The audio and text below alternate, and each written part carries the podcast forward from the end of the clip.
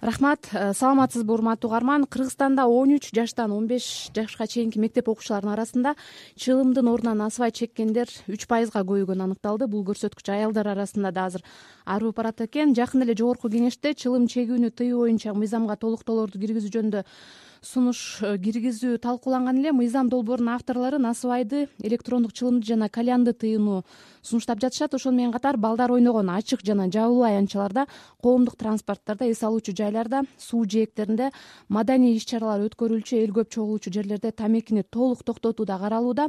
Бүгүн биз бул э, тыюу салуулар канчалык жөндүү чын эле насыбай менен чылым азыр кыргызстандыктардын саламаттыгына чоң коркунуч жаратуудабы. Чектөөлөрдүн өлкө экономикасы жабыркап калбайбы деген суроолорго жооп алыш үчүн саламаттык сактоо министрлигинин чылым чегүүгө каршы күрөшүү боюнча улуттук координатору чынара бекбасарова менен экономика министрлигинин салык саясаты башкармалыгынын жетекчиси кубан айдаралиевди чакырдык. Кош келдиңиздер тилекке каршы жогорку кеңеште мыйзамды сунуштап жаткан депутаттар бир нече аптадан бери чакырганыбызга карабай келе алышкан жок. Алгач эле суроом мыйзамдын башкы демилгечиси чынара айым сизге. Мурдагы мыйзамдар толук кандуу аткарылбай жатканда бул толуктоолорго канчалык зарылдык бар эле? Негизи бул мыйзам он жылдан бери бул азыркы тамекиге каршы күрөш боюнча мыйзам он жылдан бери он жылдан дагы он эки жыл болуп калды. Бирок э, бул эки миң алтынчы жылы кабыл алынган мыйзам азыркы күндө жаңы э, тамеки заттар пайда болду. Жана бул ошол убактагы ошол убагында жакшы мыйзам деп саналганы менен азыркы күндө бул мыйзамдардын арасында көп э, нерселер кирбей калган да. Ал ошол э, ошолордун дагы э, кирбей калышы бул мыйзамдын иштебей жатышына бир себеп болот да. Биринчиден баягы коомдук тамеки тарткан жерлердин арасында абдан көп э, коомдук жерлерде тамеки тартканга болбойт. Бирок э, тамеки коомдук э, жайларда тамак аш ресторан кафелерде дагы ал жерде толугу менен мындай тамеки тартканга тыюу салынган эмес. Андан тышкары баягы тамекини бул Э, рекламасын жарнамасын толугу менен жаптык деп айтып атканыбыз менен. Бирок баягы тамеки э, саткан жайларда бул жарнамасы э, жабылган эмес. Ошол себептен көп баягы тамекини сатып жүргөндөр тамекини чыгарып өндүрүшчүлөр азыркы күндө кыргызстанда өндүргөндөр жок болгону менен импорт кылгандар бар. Ошолор баягы тамекинин сатылышын көбөйүшү максатында ошол тамеки сатылып жаткан жайларда жашырынган боюнча э, өткөрүп жаткан акциялар конкурстар бар болуп атат. Бул эми мыйзамда андай конкурстар каралбаганы менен бирок жарнама ачык болгон үчүн ошол жерге барып атышат да. Ошол себептен баягы көп өлкөлөрдө эми өзүбүздүн тегерегибизди ала турган болсок россия казакстан белоруссияларда ал жерлерде жана выставка выкладка деп коет. Дагы ошол россия белоруссияда башка европалык өлкөлөргө туура келе турган ошондой выкладкаларды жаап коюшкан. Эми э, өзүңүздөр көрүп атасыздар азыркы күндө чоң магазиндердеби же болбосо кичирээк же болбосо киоскаларда баардык жерде тамекини сатып атышат да аны тамекини сатылышын көзөмөл начар болуп атат. Э, андан тышкары азыр электрондук э, сигареттер пайда болду. Э, тамекини ысытып анан кийин кабыл ала турган башка ыкмалар бар болду. Бирок анын баары тамекиден жасалат. Ошол себептен баардык тамекинин заттары бирдей бул көзөмөлгө алыш керек. Эгерде алар болбой турган болсо ушундай нерселер бул мыйзамдын иштелишине тоскоол болуп атат да кубан мырза ансыз да чылымдын салыгы улам улам эле көтөрүлүп жатпайбы улам барган сайын элечи анан мындай шартта салык төлөөчүлөрдүн э, мындай бир нааразычылыгы келип чыкпайбы эгерде ушундай тыюу салуулар күчөйө берсечи?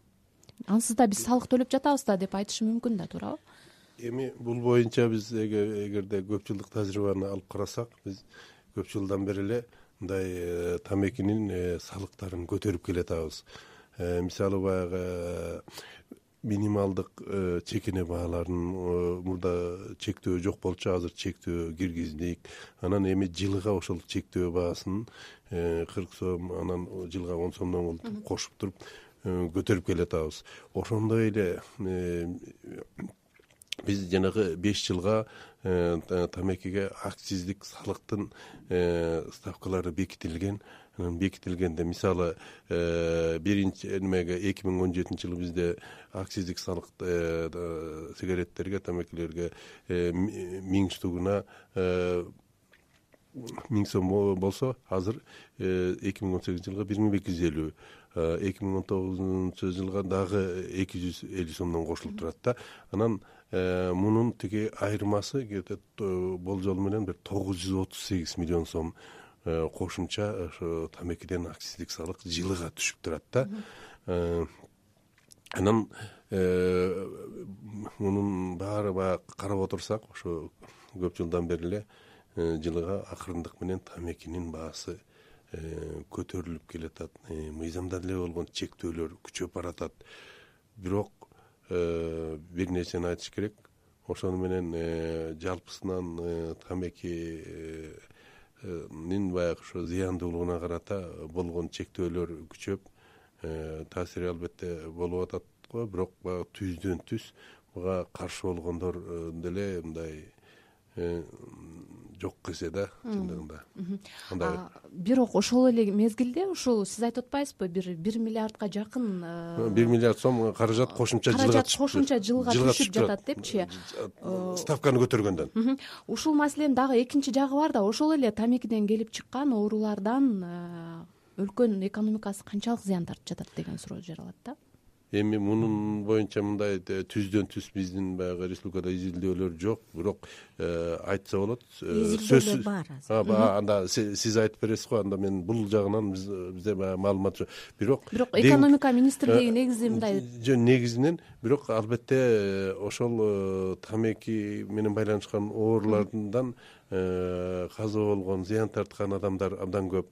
Анан азыркы жанагы кийинки жаңы чыккан мисалы кальян дейбизби электрондук тамеки дейбизби булардын баары эле тиги тамекинин негизинде болгондуктан булардын деле зыяны э, бир топ. Өзгөчө адам Э, баягы оор э, жанагы өпкө ооруларынан сырткары жанагы кадимки эле жөнөкөй эле мисалы кальян менен деле барып туруп ал жөндөй коомдук жайларда бизде э, чек коюлган эмес ачык эле неме кафе ресторандарда деле колдонулуп жатат. Ал тургай кичинекей балдарда ал тургай кичинекей балдарда. Анан эми ошол учурда кичинекей балдар деп айтып калдыңар ошол кичинекей балдар он сегиз жашка чейин жашы толо элек балдар э, магазинден болобу киоскеден алса аны көзөмөлдөгөн эч ким жок болуп атпайбы. Мунун өзү э, ушул э, тамекинин ошо таасири анан зыяны зор экенин көрсөтүп атат. Ошол мисалы кальяндан деле тиги мисалы бир адамдардын ортосуна жанагындай мейли туберкулез болобу башка оорусу жукса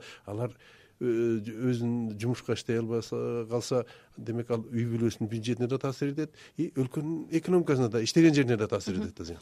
Чынара айым бул багытта изилдөөлөргө бир аз токтолуп өтөбүзбү анткени жугуштуу эмес ооруларга мамлекеттик бюджеттен да өтө мындай көп каражат каралбайт да бул тилекке каршы бул иштерди бүткүл дүйнөлүк саламаттык сактоо уюму кыргызстандагы Э, ушул жугуштуу эмес оорулардын кандай э, канча адамдар каза болуп атат жана башка аларга ошонун чыгымдары канча болуп атат боюнча изилдөөлөр өткөрүлдү. Э, ошол изилдөөлөрдү карап көргөндө баягы жүз жетимиш миллиард сомго чейин ушул адамдардын ооруларды дарылоосуна ошончо каражат керек экен да. Азыркы э, азыркы эле айтылып аткан бир миллиарддан канча эсе чоң болуп атканын көрүп атабыз да. Анын деген баягы орто эсеп менен алып келгенде кырк пайызга чейинки бул онкологияга оорулар тамеки менен э, байланышта аны ракта өпкөнүн рагын ала турган болсо токсон беш проценттен ашыгы бул э, тамеки менен байланышта ошол себептен булардын тамекинин алдын ала турган болсок азыркы эле айтылып аткан бул кальян жөнүндө айтылып атат жана башка көзөмөлгө алынбаган жөнүндө айтылып атат насыбайды айтып атылат. Ошолордун баары бул э, законду э, бул мыйзамдыга ушундай карап чыгыш керек болуп атат. Жана буларды мыйзам аркылуу тууралаш керек болуп атат. Ошондо мыйзам иштеп баштайт экендиги бул актуалдуу экенин көргөзүп кубан мырза анан насыбай дегенде дагы бир суроо пайда болуп атат да. Насыбайдын экспорту азыр кыргызстанда аябай чоң деген маалыматтар бар да. Баягы бейрасмий маалыматтарчы. Бул боюнча экономика министрлиги насыбайды көзөмөлдөө боюнча кандайдыр бир иш чаралар жүргүзөбү же азырынча такыр жокпу эми э, насыбайды вот э, көзөмөлдөө боюнча мисалы иш чаралар деле мисалы убагында россия федерациясында деле аракет кылып көрүштү. Бирок кандайдыр бир ошо көзөмөлдөө абдан мындай татаалыраак көбүнчө баягы насыбайлар бизде анткени э, колго жасалып анан жанагы базарларда сатылат. Анан жанагы ачык жана супермаркет чоң магазиндерде сатылбайт да булар анан ошон үчүн алардын үстүнөн көзөмөл жүргүзүш татаал. Анан э, анын зыяндуулугун тигулардын баарын теңдей эсеп себеби ар бир э, насыбай саткандар өздөрүнүн баягы технологияны бузуу жолу менен э, жасап аткандыктан ар түрдүү сапаттагы насыбайлар азыр тиги немеге базарларда сатылып атат негизиненчи анан эми буга чек коюш Э, кыйын. Себеби бул жерде азыр э, бизде массалык түрдө абдан кеңири жайылып келди. Көчөдө жүрсөң ар кайерде эле масса жанагы насыбайдын калдыктары көчөдө жайнап ыргытылып жаткандарын көп эле көрөм чындыгындачы демек бул багытта. Мен ушуга кошулуп кетет элем да. Кубан исакалиевич айтып атат эми россияда аракет кылып көрдү деп. Кыргызстанда да аракет кылынган. Россияда болсо ошол россияда өндүрүлбөйт бул насыбай деген. Россияга ошол жерге алып келинет ушул борбор азия. Борбор азия өлкөлөрүнөн көбүнчө кыргызстандан анан өзбекстандан. Эми э, бул биз баарыбыз эле көрүп атабыз э, кубан исакалиевич айткандай көрүнгөн жерде сатылып атат. Анан бирок бул э, канча жолу канча созывтан өткөн биздин депутаттар бул маселени көтөрүштү. Буну биздин саламаттык сактоо министрлиги да көтөрдү. Жок дегенде марка чаптап сатылсын жок дегенде баягы санитардык жанагы техникалык контроль болсун кай жерден алар жасалып атат эмне кошулуп атат ичинде кандай заттар бар экенин да билбейбиз да. Ооба ошол себептен саламаттык сактоо министрлиги бул бир насыбайды кыргызстандан атайы базардан алынган насыбайды биздин тиги кызматташтарга акшга жиберип ал жерден изилдөө өткөрүлгөн. Изилдөөнү карап келгенде анан эми паш деп коет баягы шелуч ошол э, абдан э, өйдө экен да. Андан тышкары анын э, составында жанагыеки непротонированный никотин деп коет ал абдан тез жайылат адамдын оозуна алганда эле эми мунун зыяндыгы тамекиден тышкары зыяндыгы дагы анын составында болуп аткан акитаж бар болуп атат. Жана ошондой непротонированный никотин абдан тез мээге жетип атат да ошол себептен. Зыяны абдан чоң болуп атат. Анан мындайды биздин саламаттык сактоо министрлигинин алдында иштеп аткан бекер э, телефон линиясы бар. Ошол линияга телефон чалгандар дагы айтып атышат э, тамеки э, таштаганда сигарет тамеки тарткандар менен насыбай чеккендердин айырмасы чоң да кубаныч мырза жогоруда айтылып өтпөдүбү бул көзөмөл абдан мындай эле алсыз болуп жатат депчи. Анан ошол жанагы мектептердин жанында балдар бакчаларынын жанында абдан көп майда чакан дүкөндөр бар. Ошолордогу э, сатылып жаткан тамекилерди каалаган бала барып ала алат да ушул нерсени ким карашы керек ким буга мындай бир жооптуу болушу керек. Антимонополия кызматыбы же экономика министрлигиби же саламаттык сактоо министрлигиби анткени өкмөттүн өзүндө да бул нерсени көзөмөлдөө чаржайыт болуп аткандай да.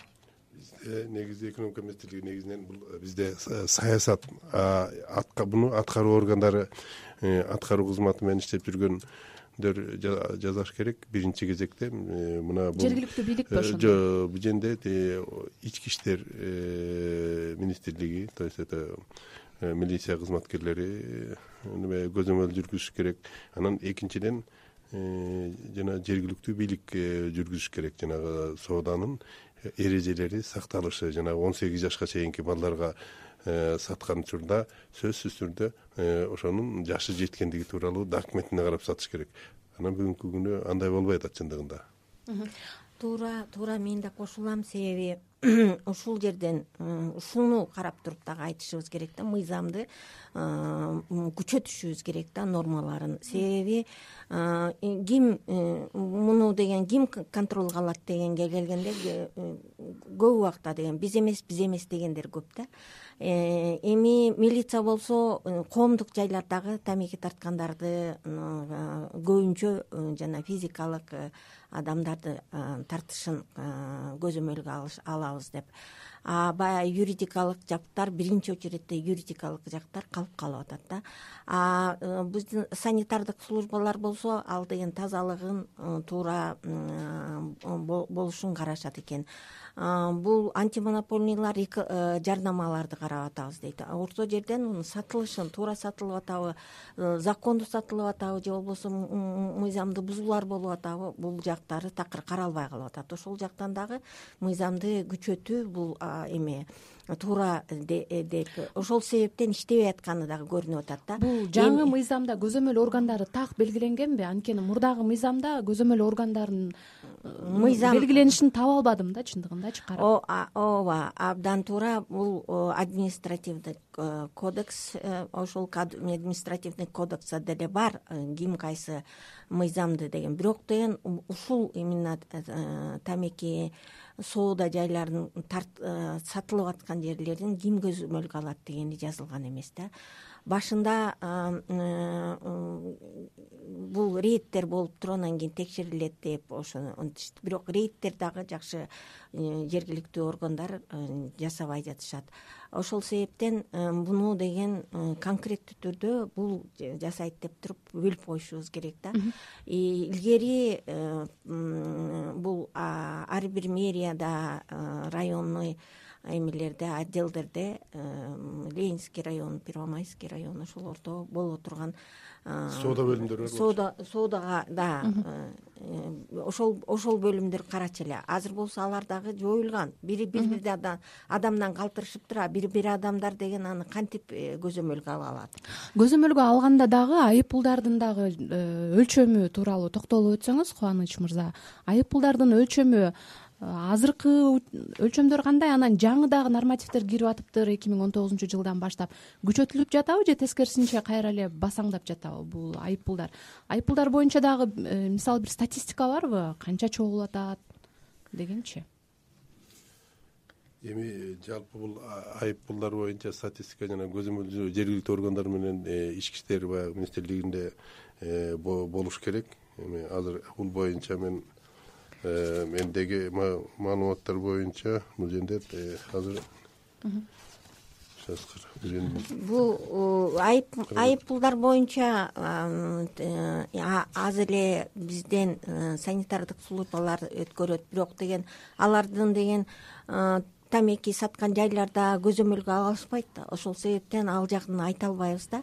А бирок эгерде э, мыйзам түрүндө карай турган болсок кайсы кандай гана э, мыйзамды бузуу болбосун бул элүү миңге чейин э, юридикалык жактар эки миңге чейин жанагы должностное лицо деп иштеп мисалы бир чын атка минер кабинетинде ооба атка минерге тамеки тартса канча төлөшү мүмкүн да? Эки миң сомго чейин. Эки миң сом элеби бир миңден эки миң сомго чейин төлөш керек. Булар ошол а эгерде э, юридикалык жак болсо элүү миң он миңден элүү миңге чейин сүйлөйт.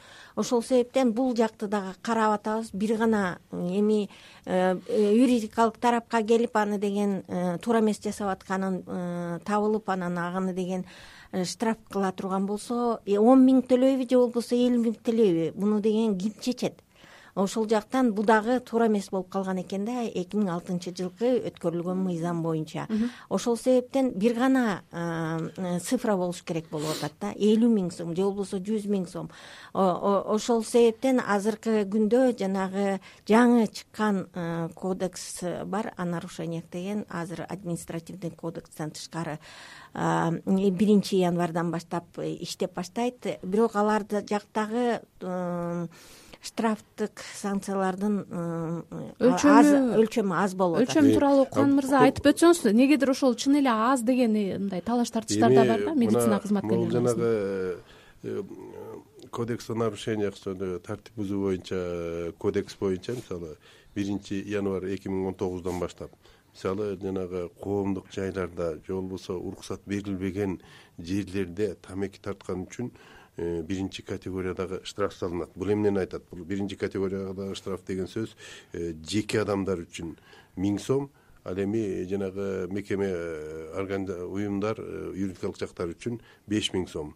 Азайып кеттиби ошондо. Бул азыркы мезгилге эми көбөйүп азайгандан да бирок бул жагынан азырынча дагы көзөмөл жок болуп атат да чындыгында. Жок эми элүү миңден беш миңге чейин түшүп аткан азайып он эсе азайган азайып атат. Да анда бул кимдин пайдасына эмне үчүн азайды деген дагы суроо анан андан дагы э, мыйзам бузуулар көп болот да анда. Беш миң бул юридикалык жактар үчүн акча деле эмес да ошол кафе ресторандар үчүн бул абдан эле аз. чоң акча деле эмес алар аларда азыр тиги залдар деле бөлүнүп коюлбадыбы тамеки тарткандар үчүн тамеки тартпаган э, эместер үчүн деп. А бирок көпчүлүгүндө антип да бөлүнгөн эмес чындыгында. Бирок э, ошол э, залдардын сексен пайызынан ашыгы баары эле залдарды бөлө албайт экен да бул тамеки тамак сата турган жайлардачы тамак а бирок деген көбү бул тамекини тартканды ушундай коомдук тамеки саткан кафелерде жабык болсо деп тыюу салынса деп өздөрүнүн каалоолорун айтышты бул биз дагы сурамжыларды өткөрдүк. Эми э, негизи көп убакта деген жайларды бөлүп койдук деп айтышат экен да бирок деген алардын эшиги ачык да бир бир э, жайынан бир жагына э, вообще эшиги жокторлор да бар экен. Анан мыйзам боюнча азыркы иштеп аткан мыйзам боюнча бул кандай кылып бөлүнүш керек? Мунун деген эшиги башка болуш керек сырттан өзүнчө төрт стенасы болуш керек. Терезелери анан өзүнчө сыртка чыгып турган вытяжкасы болуш керек да. Бирок деген э, андай эмес алардын эшиктери ачык турат. Э, биринчи э, залга деген тамекини тартканга боло турган уруксаат бере турган зал кылып коюшат. Андан кийинки залы болсо тамекини тартпагандарга деп туруп бирок киргенде өзү эле официанттар кирип атканда дагы эшикти ачып жаабышат андан тышкары көп убакта эшикти ачып коюп атышат да. Себеби түтүн толуп кетип атат. Ал түтүн сыртка чыкпастан же болбосо ал башка тамеки тартпай турган э, уруксаат жок боло турган э, залдарга кирип атат. Бул өзү дагы бул мыйзам ченемин туура эмес болуп атат. И бул кафеде иштеген адамдарга дагы бул жакпай атат. Себеби ошончо жерде ошончо адамдар иштеп атат алардын дагы ден соолугуна зыян алып келип атат. Талкуунун жыйынтыгында кубаныч мырза сизге дагы бир суроо. Ушул тамекинин зыянынан жүз жетимиш миллиард сом өлкөнүн баягы бюджети зыян көрүп атыптыр да жогоруда айтып өттү. Чынын арайым кандай бир жалпы экономика. Кандайдыр бир координациялык иштер жүрүшү керекпи ушул нерсе мисалы сиз азыр биринчи уккандай сезилди да мага? Ушул сумманычы координациялык кандай иштерди жүргүзүшүңүздөр керек? Экономика министрлиги ошол эле өкмөт ошол эле антимонополия кызматы бизде монобурки салык саясаты болгон үчүн баягы биз э, жанагы акциздик салык аркылуу гана балким көтөрүп коюш керек европадагыдай өтө бийик кылыпчы. Акциздик салык ставкаларын биз көтөрүп эле келе жатабыз. Бирок бул жерде дагы бир нерсе бар. Европадагыдагыдай кылып биз эмес бизден жанагы эмгек акысы боюнча бир топ алдыда турган россия федерациясын деле казакстан деле антип көтөрө албайт европанын деңгээлинде. Алар даже эки миң жыйырма бешинчи жылга да көтөрө албайбыз бирок кубаныч сакалиевич мындай болуп атпайбы? Бул деген э, тамак аш эмес да. Бул деген э, бул деген зыяндуу нерсе болуп атпайбы? Зат болуп атпайбы? Чоң рахмат тилекке каршы биздин жарым сааттык э, мөөнөтүбүз себептен насыбайга өтүп кетип атышпайбы? Арзан. түрүнө өтүп кетип атышат. Арзан бирок зыяны өтө жогору. Чоң рахмат. Бүгүн биз э, чылымды тыюу боюнча талкуу уюштурдук. Ага э, ага экономика министрлигинин салык саясаты боюнча башкармалыгынын жетекчиси кубаныч айдаралиев менен саламаттык сактоо министрлигинин өкүлү чынара бекбасарова катышты талкууну мен бактыгүл чыныбаева жүргүздүм. Саламатта туруңуз